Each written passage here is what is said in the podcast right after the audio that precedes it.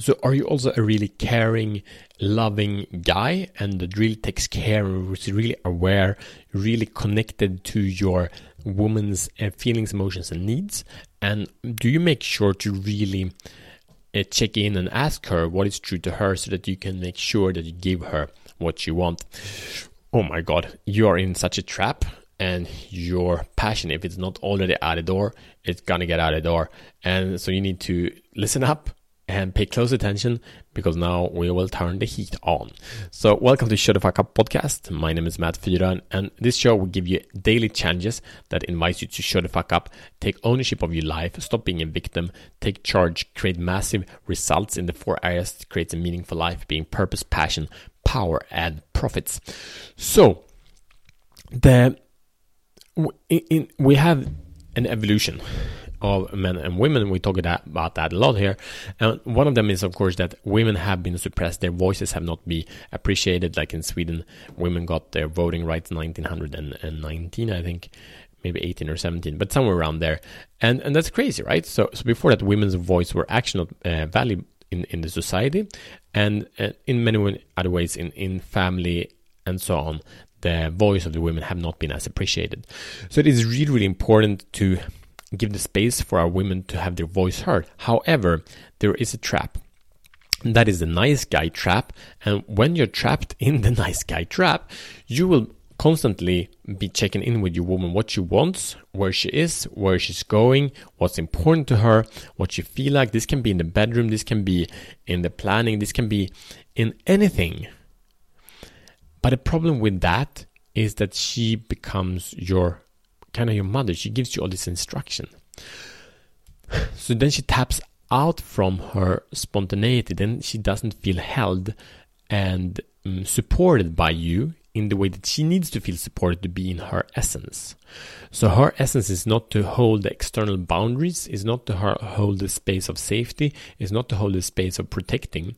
That is your job. And the moment where you start asking her for all these things that she wants, she needs to go into her mind, being out of her heart. And her heart is definitely her place of power, her place of beauty, right? You know this.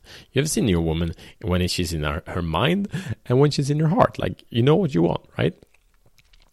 So, what, what is happening here is that you invite her to a place where she doesn't communicate in an effective way, in an attractive way, it's gonna uh, trigger you off. Because the thing is, when she tells you what you want and you give her what you want, she's not gonna be happy. So why is she not happy? Because she, she rationalized, she realized, okay, this is the thing. You ask for what I want. I tell you what I want because I want to please you. But she actually doesn't want that because her deep longing is to have your leadership. Her deep longing is that you're in charge, that you're showing the way in a direction that is better for her that she possibly could imagine. And still, we can't do this by overruling her and not listening to her, so we do both and. So you need to show the fuck up as a leader, and by that, you create intimacy and you create passion.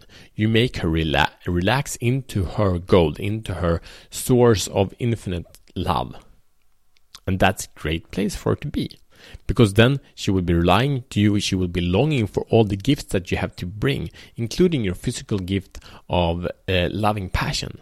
So bring this gift to her, bring this leadership to her, uh, and, and, and guide her, surprise her. It is one of the most generous things we can do as men.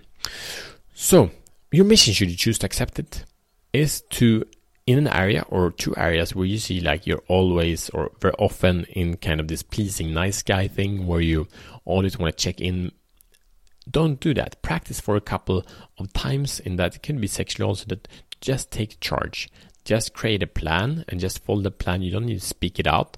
You can just act upon it and uh, follow your intuition and really be connected to who you are and the truth that you're bringing. Give this gift to her and you will see her relax. And she might start challenging you about it, and that's just part of the process. It doesn't mean your plan sucks, it just means that your power is expanding, and she will test you if it's actually true or if you're just faking it.